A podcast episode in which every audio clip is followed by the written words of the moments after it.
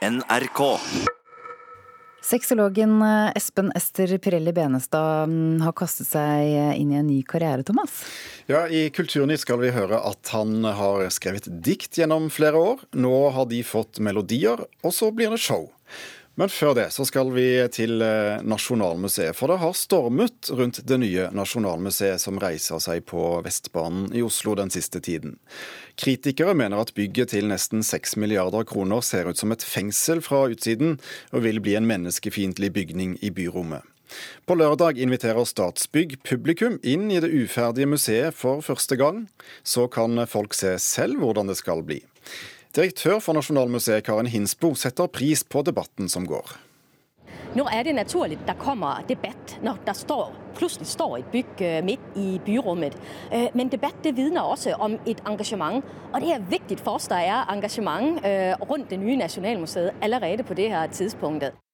Museumsdirektør Karin Hinsbo. Ehm, kulturkommentator her i NRK, Agnes Moxnes. Du var på omvisning på Nasjonalmuseet i går allerede. Hvordan ser det egentlig ut?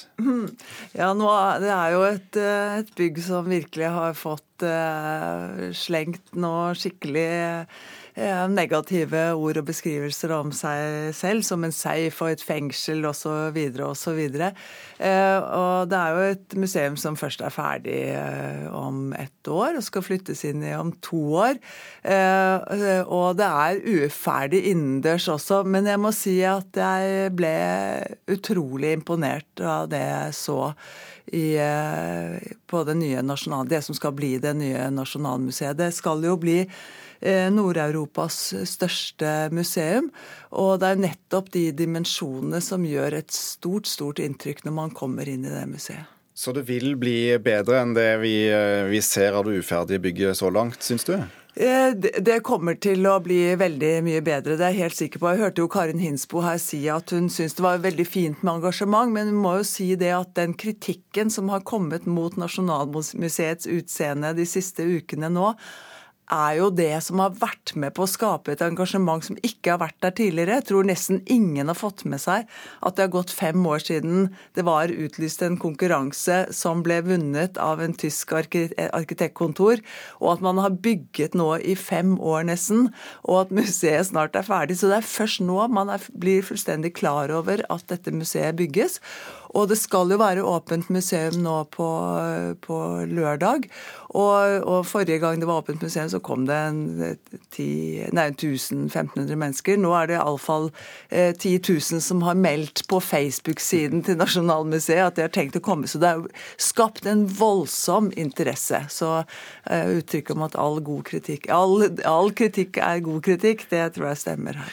Kan du eh, si noe om hvordan de skal få det til å bli bedre på bakgrunn av den kritikken som nå har vært? Nei, altså det, det Planene som ligger der er jo, eh, har vært nokså klare lenge. Eh, det skal gjøres ganske mye på utsiden av bygget med benker, og det kommer eh, villvind, vinduene skal åpnes, nå er de lukket. Og så er det jo da denne mye omtalte alabasthallen, som jo er en kjempe kjempehall.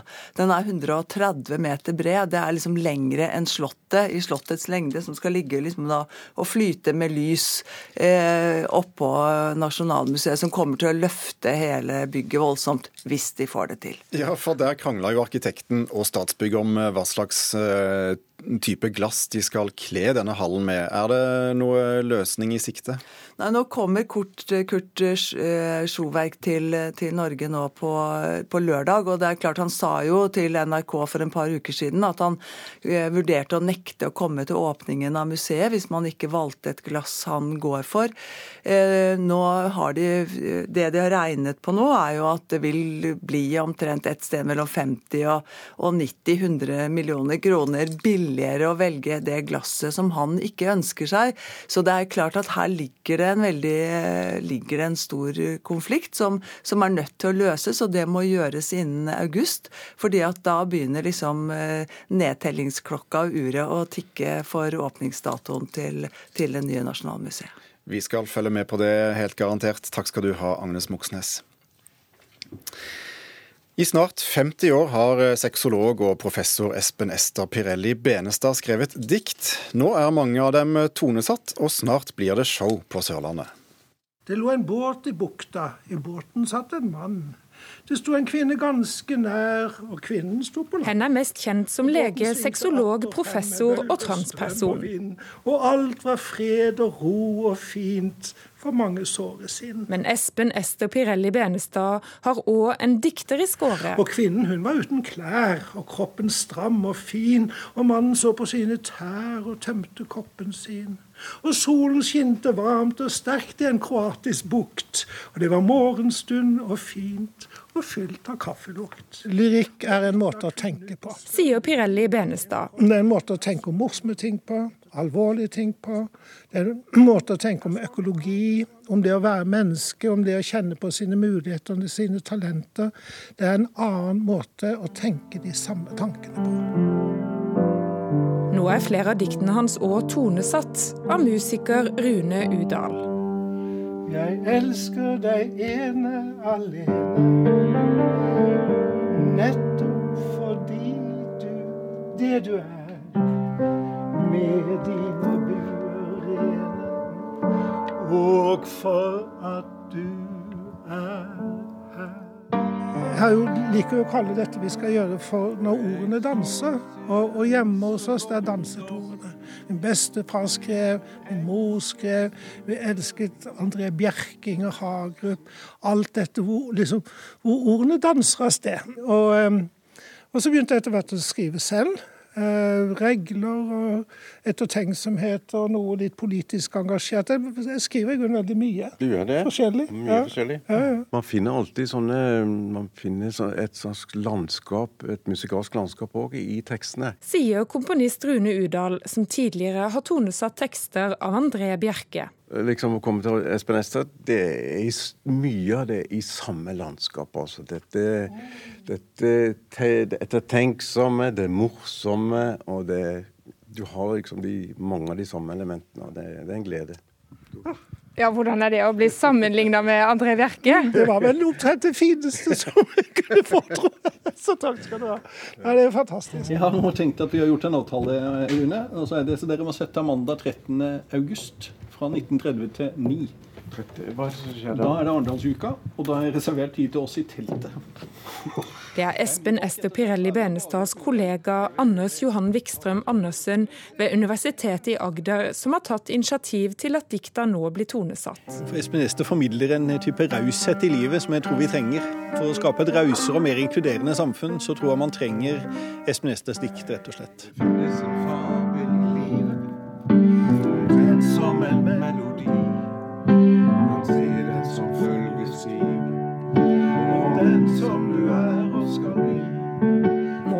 samle sangene på plate og lage en forestilling der Pirelli Benestads liv og diktning blir satt i fokus. Ja, for det er et vers til, sant? Jo, jo, det er et vers til. I første rekke blir det en lukka prøveforestilling i Pirelli Benestads bakhage. Det som er litt utfordrende, er at eh, jeg muligens må synge sjøl. ja. men det skal vi få til. Vi får det til. Ja, Sexolog og snart sanger der. Espen Ester Pirelli Benestad sammen med sin komponist Rune Udal. Reporter var Miriam Grov. Frustrasjonen over de store forlagenes markedsmakt vokser. Hva handler dette om, reporter Kaja Andreassen? Nei, Klassekampen kan melde om at flere og flere mindre forleggere ikke føler seg likt behandlet uh, som de store forlagene. Hvorfor føler de seg urettferdig behandlet?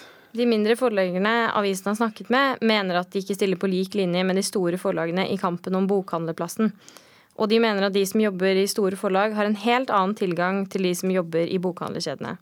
Gunhild Gusli Berg, eier av forlaget Gusli Berg, påpeker til avisen at de til og med møter hverandre i kantina på Gyldendalhuset, og hevder at hun eh, og andre mindre forleggere møtes av et system som ser på bøkene som en ladning med agurker. Og Hva sier bokhandlerne til eh, en slik kritikk? Arik sier eh, at de små forlagene får tilgang til store markeder gjennom dem, Og at selv om Ark eh, og et av de store forlagene Gyllendal holder til på samme sted, så er det Ark sin oppgave å jobbe for dem som vil lese bøker, og at de driver for å gi dem et best mulig tilbud, uavhengig av forlag. Takk skal du ha, Kaja Andreassen. For første gang skal Disney lage en stor internasjonal animasjonsserie som er skapt av nordmenn. Den amerikanske underholdningsgiganten har inngått avtale med Storm Film som må lage serien som har fått navnet Vikingskolen. Skaperne er eh, Gisle Nordmann Melhus og Fredrik eh, Howard, og sistnevnte har vi med oss i Kulturnytt. Velkommen. Takk for det. Først, Hva slags serie blir dette? Altså, Det skal være en, en uh, humorserie. Uh, vi har valgt å kalle det en humorserie med store, store eventyrgrep i seg. Og Den er mynta for seks uh, til elleveåringer Eh, som syns det skal være da, gøy å følge våre tre hovedkarakterer som går på denne vikingskolen. Eh, en animasjonsserie i god Disney-ånd. Blir det bare gøy og moro, eller skal vi lære noe også av dette? Det er klart, altså, Disney er jo et selskap som ønsker at man skal ha en viss, viss moral. og, Det som er gøy for oss nå, er jo at vi har fått dem med på å, å, snu litt opp ned på det hele. fordi at Når du skal lære å bli viking, så skal du i utgangspunktet lære å bli berserker. Mm. så du skal jo lære deg å bryte regler. Så det er vel en sånn eh, å prøve å lære dem noe om god moral og etikk eh, i et negativt rom. Og det tror du går hjem hos et moralsk høyverdig amerikansk publikum? Det gjenstår å se, men det er klart eh, både vi og Disney har foreløpig i hvert fall stor tro på at vi skal greie å gjøre dette her til en internasjonal hit. Fortell oss litt hvordan arbeidet med serien begynte. Altså Dette her begynte i utgangspunktet da Gisle og jeg gikk på filmskolen. og Vi eh, syntes det var veldig gøy å se hvordan eh, lærerne våre eh, fortalte oss om måte, den brutale virkeligheten ute i mediebransjen. Og alle hadde anekdoter og historier som overgikk hverandre. Eh, og så har det egentlig bare bygd seg sakte, men sikkert der. Vi presenterte dette her i eh, Stavanger på en sånn animasjonsfilmmesse i 2009. Så det begynner da, å bli en stund siden? Det begynner å bli en stund siden. altså Disney valgte å kjøpe, eller ønsket å kjøpe det, men vi skjønte egentlig ikke helt hvem det var vi snakka med, så vi, vi, takket nei, rett og slett. Og så gikk det et år hvorpå sjefen i Disney ringte opp igjen og sa har dere ombestemt dere, jeg vil ha det. Du, eh, hvordan, og først da så skjønte vi det. Hvordan blir det nå å, eh, å jobbe med Disney og, og, få en slik kontrakt med, med et så stort underholdningskonsern? Det er klart Dette her er en døråpner av dimensjoner for oss. altså Vi jobber da sammen med Disney, men ikke bare dem. Det er også Cartoon Saloon, som er ved siden av japanske Studio Ghibli, kanskje det mest velrenommerte animasjonsstudioet i verden.